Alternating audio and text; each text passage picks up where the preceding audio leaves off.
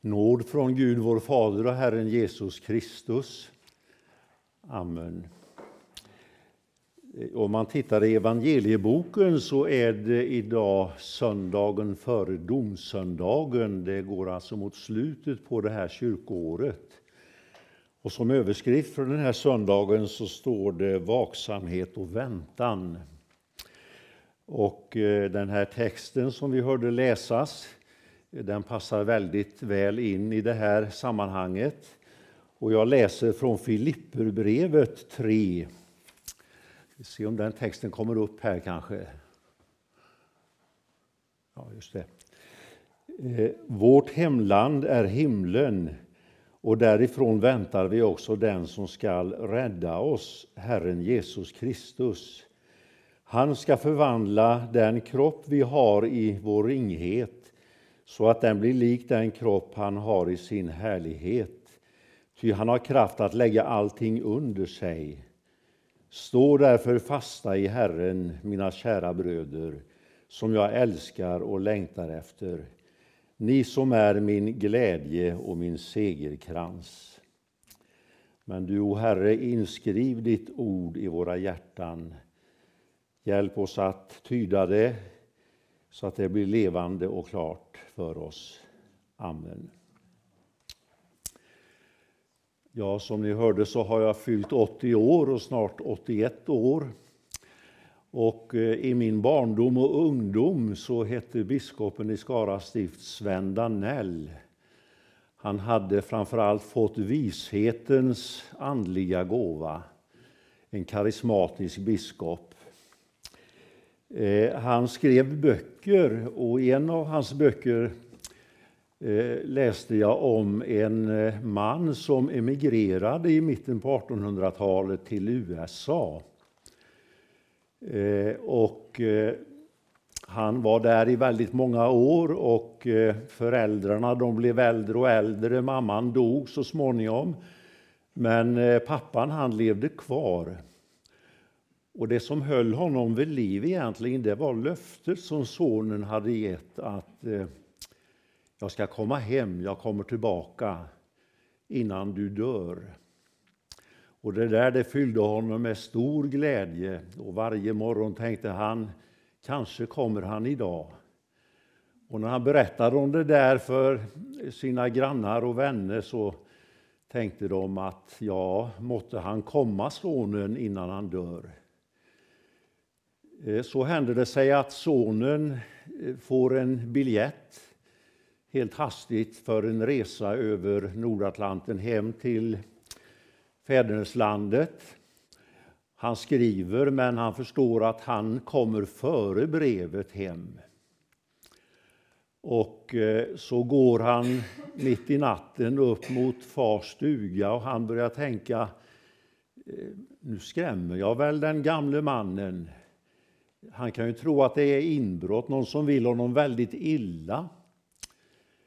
Eh, men han känner lite på dörren, den är öppen, han har inte låst om sig. Och så knackar han lite försiktigt och då hör han en klar stämma inifrån. Välkommen hem Anders. Han gick inte och låste in sig i någon skrubb, han stod inte rädd och tittade bakom gardinen utan han var verkligen beredd på sonens ankomst. Han litade på sonens löften. Och det är också det som den här söndagen handlar om. Vaksamhet och väntan, att vi ska vara förberedda på Guds sons återkomst så som han har lovat. Ja, vi hörde från både ja, Lukas i första hand, men i Matteus så säger Jesus att mot slutet av vår tidsålder så kommer det att höras mycket krigslarm. Det kommer att bli hungersnöd och det kommer att bli jordbävningar. Sånt som vi känner väldigt väl igen oss i. Och just i Lukas så talas det om att det ska visa sig tecken både i månen och i stjärnorna och att folket, hedningarna, ska gripas av ångest och rådlöshet. Vi ska förgås av skräck, läste vi, i väntan på vad som ska komma över världen. Ty himlens makter ska skakas. Man kan ju undra lite grann, det här talet om Jesu återkomst och jordens undergång. Kan man lita på det? Jag tror att för bara hundra år sedan så hade man väldigt svårt att tro på det. Man tänkte att världen har ju alltid funnits, den kommer väl alltid att finnas. Det är väl mest överspända predikanter som talar om jordens undergång. Inte kan det ske. Inte är det någonting vi behöver vara rädda för. Eh, så var det kanske med, med den här gamle mannen också, att eh, de som träffade honom, de tänkte att kan, kan mannen lita på vad sonen har lovat? Och kan vi lita på att han verkligen lever överhuvudtaget? Och det där landet Amerika, ingen av oss har varit där. Kan vi verkligen tro att det finns överhuvudtaget? Kan man tro på någonting som man inte har sett, aldrig har hört talas om? Eh, så ibland så händer det saker som gör att man eh, vaknar till lite grann. Så var det till exempel 1910 då en stor väldig komet var på väg mot jorden. Och Nils Ferlin han har väldigt pricksäkert formulerat hur folk reagerade i en kort liten dikt. Nu är det tid att handla rätt för mor och faderlösa och garda sig på alla sätt och vara religiösa. Så satte de sig ner med fart vid brillor och på stillor och suckade så tungt och rart om världens vreda villor. De bugade för fattighjon som förr för tjocka magar och vägde rätt i handelsbon i nästan 14 dagar. Men det kom ingen komet och så återgick allt till det gamla och invanda. Och man skämdes lite för att man hade tagit det här på allvar. Ja, vi menade nog inte att det här skulle hända. Vi trodde nog inte det riktigt ändå. Idag är det inte många som ler åt talet om jordens undergång. Eh, de forskningsrapporter som kommer de ger ju egentligen Bibeln rätt på punkt efter punkt efter punkt. Det är som om det är förutsagt av profeterna och av Jesus själv. Det som en gång ska hända i den här tidsålderns slut. Det är inte predikanter som talar så mycket om det här utan det är forskarna, det är politikerna. Och när man samlas idag till eh, stora konferenser i världen så är det just världens framtid man talar om. Och man är medvetna om att världens framtid, jordens framtid, den hänger på en väldigt, väldigt skör tråd idag. Och det man talar om det är ju framför allt klimatet. Och det har kommit rapporter som säger att bara någon enda grad varmare eh, så blir det förfärligt svårt på jorden. Det blir stora landområden där ingen människa kan leva på grund av torka. Och det blir, för, det blir väldiga eh, översvämningar, skyfall och så vidare och så vidare.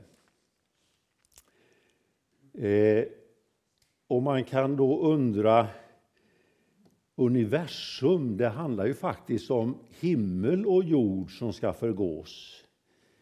Är det verkligen så att också universum kan gå under?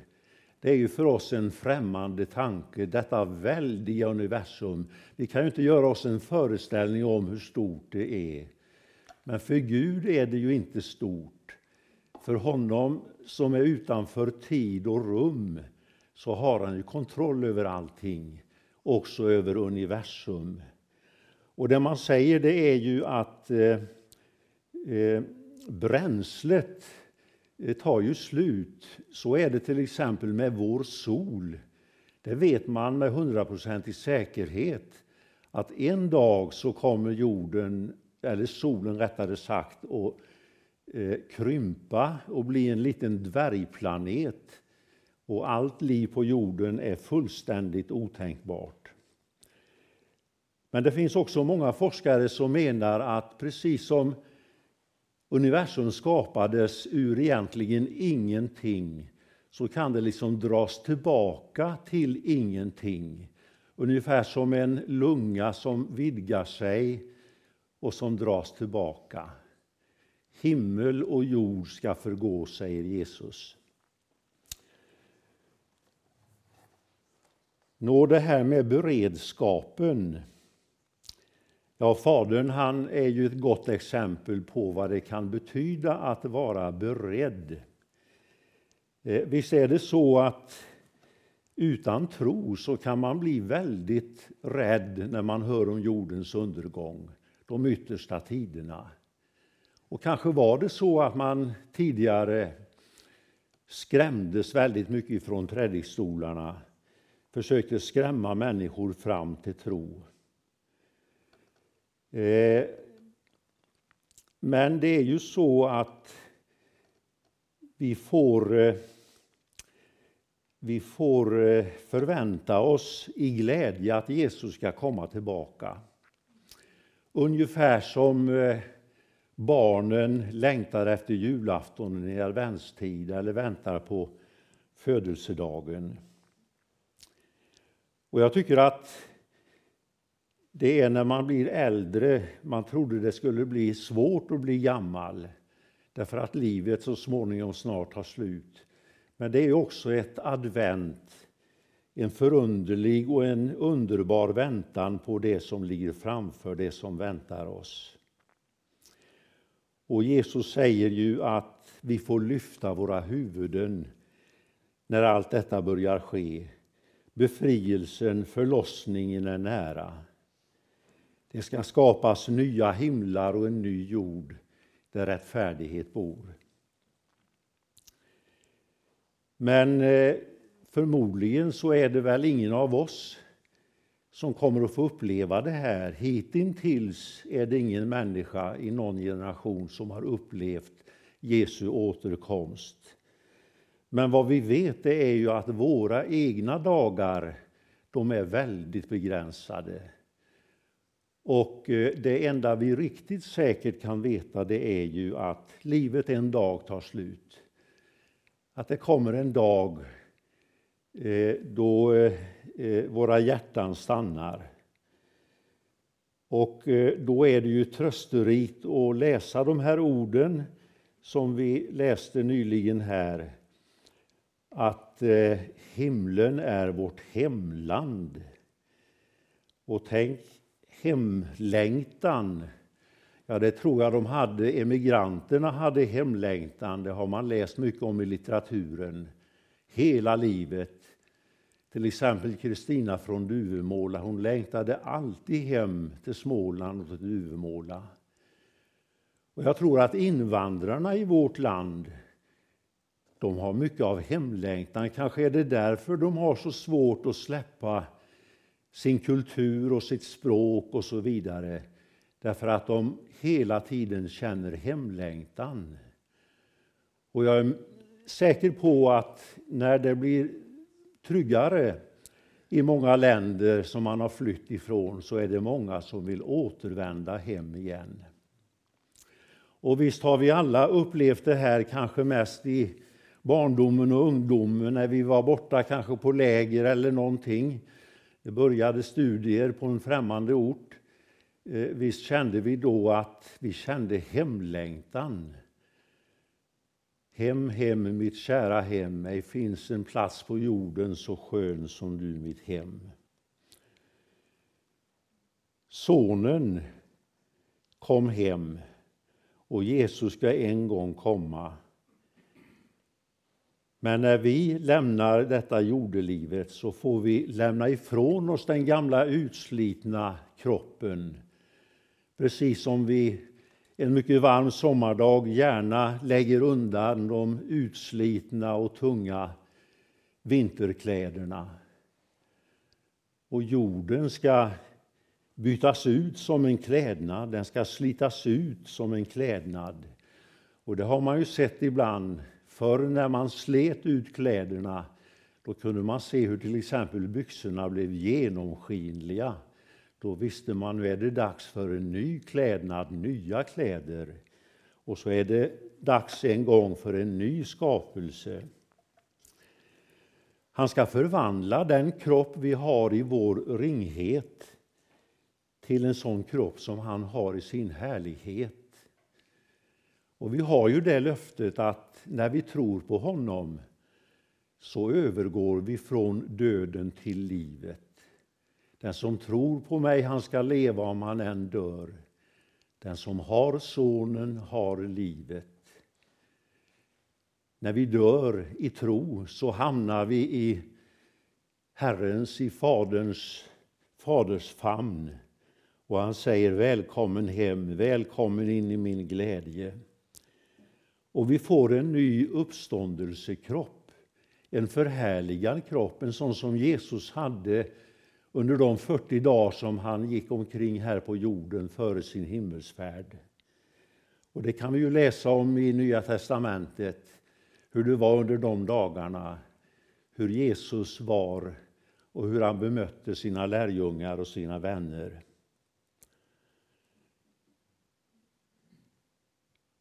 Vi skulle kunna sammanfatta predikan i de ord som vi snart ska sjunga, som Levi Petrus har skrivit.